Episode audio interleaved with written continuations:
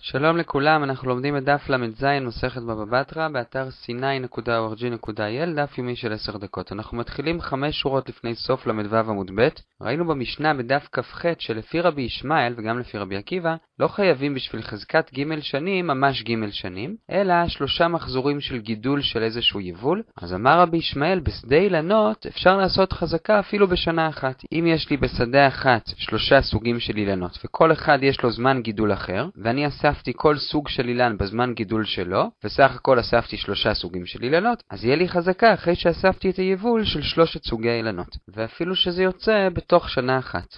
עכשיו יוצא מרבי ישמעאל שבשביל ליצור חזקה אתה לא חייב לאסוף את כל היבול של כל השדה כל פעם, אלא גם אם אתה אוסף רק את מה שמוכן באותו זמן ואתה עושה את זה שלושה פעמים, גם זה יוצר חזקה. עכשיו רבנן שחלקו על רבי ישמעאל, הם חלקו על העיקרון שלא צריך שלוש שנים מלאות. לדעתם צריך שלוש שנים מלאות. אבל, אומר אביי, הם עדיין יכולים להסכים למה שאמרנו עכשיו, שאתה לא צריך לאסוף כל פעם את כל היבול. ולכן מחדש אביי שגם לפי רבנן, אם יש לי שדה אילנות, וכל שנה אספתי רק את היבול שהיה מוכן באותה שנה, למשל שליש בשנה ראשונה, שליש בשנה שנייה, שליש בשנה שלישית, גם זה יוצר חזקה. ומסברה זה גם מאוד סביר, כי סוף סוף התנהגתי כמו הבעלים של השדה, וגם הוא, מן הסתם, היה לוקח רק את מה שמוכן. אבל זה צריך להיות דומה למה שרבי ישמעאל אמר, ולכן, תנאי ראשון, אכלתי את כל מה שהיה מוכן, כלומר לא היו דברים שהיו מוכנים ולא אכלתי אותם, ודבר שני, שמדובר שהאילנות שאספתי מהם הם מפוזרים על פני כל השדה, ולא שיש שלושה אזורים נפרדים, כי אז ייצור חזקה רק לאותו אזור נפרד. רשב"א מסביר שגם במקרה של רבי ישמעאל זה אותו דבר, שלושת סוגי האילנות שבשדה היו מפוזרים ולא היו לפי אזורים, והגענו לשורה החמישית בל"ז עמוד א', הגמרא עוברת לנושא חדש לחלוטין, שבסוף הוא לרגע יתקשר לחזקת ג' שנים, אבל גם זה יידחה. הנושא הוא, כשאדם מוכר אילנות למישהו אחר, או מוכר אילנות וקרקע לשני אנשים, כמה קרקע הוא התכוון שילך לבעל האילנות, אם בכלל. עכשיו רשב"א מסביר, וגם תוספות בפירוש הראשון, שגם אם הוא לא מכר לו את הקרקע, זה לא שעכשיו הקונה צריך לתלוש משם את האילן. הוא יכול לגדל את האילן כל עוד האילן הזה חי. אבל ברגע שהוא מתייבש, אז הוא באמת צריך לעקור משם את האילן, והוא לא יכול לטעת אילן חדש. בהמשך הגמרא, שתי שורות לפני סוף עמוד ב', אנחנו נראה שבעצם זה מחלוקת. לפי נהר דהי, גם כשהוא לא מכר לו את הקרקע, הכוונה היא הקרקע שמסביב. אבל את הקרקע של האילן עצמו, כן מכר לו והוא יוכל לטוע שם אילן חדש. אבל לפי רבא, כשאנחנו אומרים שהוא לא מכר את הקרקע, אז הוא לא מכר לו שום קרקע. וברגע שהאילן יתייבש, הוא יצטרך לתלוש משם את האילן. והערה אחרונה לפני שנתחיל, כל ההתלבטות האם הוא מכר לו את הקרקע או לא, זה רק אם הם לא אמרו במפורש. אם הם הצנו במפורש, אז ברור שהולכים לפי מה שאמרו. את הסוגיה הזאת נלמד לא לפי סדר הגמרא, נתחיל מהסוף ואז נעבור להתחלה. אז אנחנו קופצים עכשיו לשורה שנייה בעמוד ב'. אז יש משנה בדף פ"א בהמשך המסכת, וכבר הזכרנו את זה בעבר, שלפי תנא קמא, אם אתה מוכר שלושה אילנות, אז ההנחה היא שהתכוונת למכור גם את הקרקע שביניהם וקצת מסביבם בשביל לעבוד. אם אתה מוכר רק שתי אילנות, אז לא, ורבי מאיר אומר שגם בשתי אילנות התכוונת לתת את הקרקע. עכשיו הגמרא רוצה לקשר מחלוקת תנאים נוספת לאותה מחלוקת. מדובר במחלוקת של חכמים ורבי עקיבא, שבמקור היא בנושא אחר לגמרי, גם זה בהמשך המסכת, בדף ס"ד, האם מוכר בעין טובה מוכר, או מוכר בעין רעה מוכר, והגמרא תקשר את המחלוקת הזאת למחלוקת לגבי הקרקע והעצים. במה הם נחלקו שם? אדם שמכר את החצר שלו למישהו, אבל את הבור שבאמצע החצר הוא לא מכר. האם ההנחה היא שהוא השאיר לעצמו שביל בשביל להגיע לבור שלו או שלא? לפי רבי עקיבא הוא לא השאיר לעצמו, כי הוא מוכר בעין טובה, הוא נותן הכל לקונה. לפי חכמים הוא כן השאיר לעצמו, כי הוא מוכר בעין רעה, הוא נותן רק את מה שהוא חייב לתת. אותו דבר פה לגבי האילנות. לפי רבי עקיבא ההנחה היא שהוא נתן גם את הקרקע, אפילו בשני אילנות, כי מוכר בעין טובה. לפי חכמים הוא לא נתן את הקרקע כי הוא מוכר בעין רעה. עכשיו, מה שאמרנו עכשיו זה מהשורה השנייה בל"ז עמוד ב'. עכשיו נחזור קצת אחורה, נראה ארבע שורות לפני סוף עמוד א', מה קורה אם זה הפוך? הוא מכר את הקרקע והשאיר לעצמו את האילנות. פה אומרת הגמרא שגם לפי רבי עקיבא וגם לפי חכמים, ברור שהוא מתכוון להשאיר לעצמו גם את הקרקע של האילנות ולידם. מה זה שונה מבור? למה בבור אנחנו מניחים שלפי חכמים הוא לא משאיר לעצמו דרך, וכאן הוא כן משאיר לעצמו קרקע? כי בבור הוא לא חושב על זה, ככה מסביר רשב"ם. כי מבחינת הבור עצמו לא תהיה בעיה לקונה שיש פה בור באמצע החצר שלו שלו שלו, ולכן מעבר לזה הוא לא חשב גם להשאיר לעצמו דרך. אבל באילנות, אם הוא לא ישאיר לעצמו קרקע, ברגע שהאילן הזה יתייבש, אז ההוא שהוא מכר לו את הקרקע לא ירשה לו לטוע פה עוד אילן, והוא ידרוש ממנו לקחת את האילן היבש וללכת. כי זה שהאילן שם מזיק לו לקרקע. ולכן שם הוא כן חושב על זה והוא משאיר לעצמו קרקע. עכשיו, כל מה שאמרנו עכשיו זה כשאדם מוכר למישהו אחר או את הקרקע או את האילן. מה קורה אם הוא מוכר לשני אנשים שונים, לאחד את הקרקע ולשני את האילנות?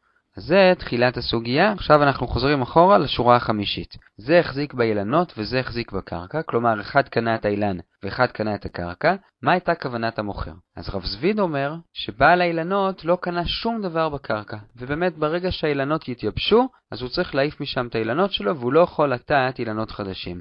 ורב פאפה חולק עליו, בגמרא משמע שהוא מקשה עליו, אבל תוספות מסביר שהוא בעצם פשוט בא לחלוק, ואומר שלא נכון, הוא מכר לו גם את הקרקע שבין האילנות וגם איזשהו מרחק מסוים סביב האילן בשביל לעבוד על האילן. עכשיו, האם המחלוקת הזאת של רב פאפה ורב זביד, האם הוא מוכר לו את הקרקע או לא, תלויה במחלוקת שעכשיו אמרנו בין רבי עקיבא לחכמים, שלפי רבי עקיבא הוא מוכר לו את הקרקע ולפי חכמים לא, מסבירה הגמרא שזה לא תלוי. איפה היא מסבירה את זה? אנחנו נקפוץ חזרה לעמוד ב' לשורה חמישית. מסבירה הגמרא, גם לפי רבי עקיבא, שכשאתה מוכר למישהו אחר את האילנות, אתה כן נותן לו את הקרקע, יכול להיות עדיין שהוא יסכים עם רב זביד, שכשאתה מוכר לשני אנשים, אז בעל האילנות לא קיבל את הקרקע. למה?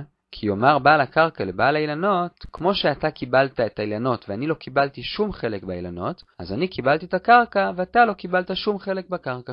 ונסביר את זה לרגע, אם אני מוכר רק את האילנות למישהו, ולגבי הקרקע לא אמרתי כלום, סביר שהתייחסתי גם לקרקע לפי רבי עקיבא. אבל אם את הקרקע מכרתי למישהו אחר, אז במפורש בעצם אמרתי שאת הקרקע אני לא נותן לך בעל האילנות, אלא למישהו אחר. ולכן, גם לפי רבי עקיבא, פה לבעל האילנות לא יהיה קרקע. ולהפך, גם לפי חכמים שבדרך כלל כשאני מוכר אילנות למישהו אני לא נותן לו קרקע אם זה רק שני אילנות, אם מכרתי לאחד אילנות ולאחד קרקע, יכול להיות שהם יסכימו עם רב פאפה שבעל האילנות כן יקבל קרקע. למה? כי הרי מה הסברה שלהם? אם אני מוכר לאדם אחד, אז אני מוכר בעין רעה, ואני רוצה לשמור את כל הקרקע לעצמי. אבל אם אני המוכר מוכר גם את הקרקע וגם את האילן, אז מה אכפת לי למכור בעין טובה? הרי אני לא מפסיד מזה. ואז, כמו שאני רוצה שלך יהיה טוב, בעל הקרקע, אני גם רוצה שלבעל האילן יהיה טוב, ואני נותן לו את הקרקע שסביב האילנות. עכשיו, מאותה סברה שאמרנו עכשיו, המחלוקת של רב זביד ורב פאפה היא אפילו בשלוש אילנות ואפילו באילן אחד, זה לא משנה. כלומר, לפי רב פאפה אתה נותן לו גם את הקרקע אפילו שזה אילן אחד,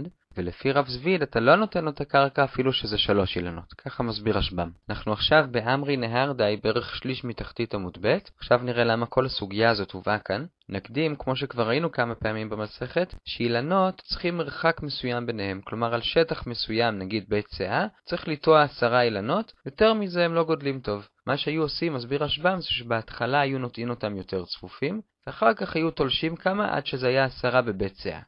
עכשיו אומרים נהר דהי, החלן רצופין אין לו חזקה.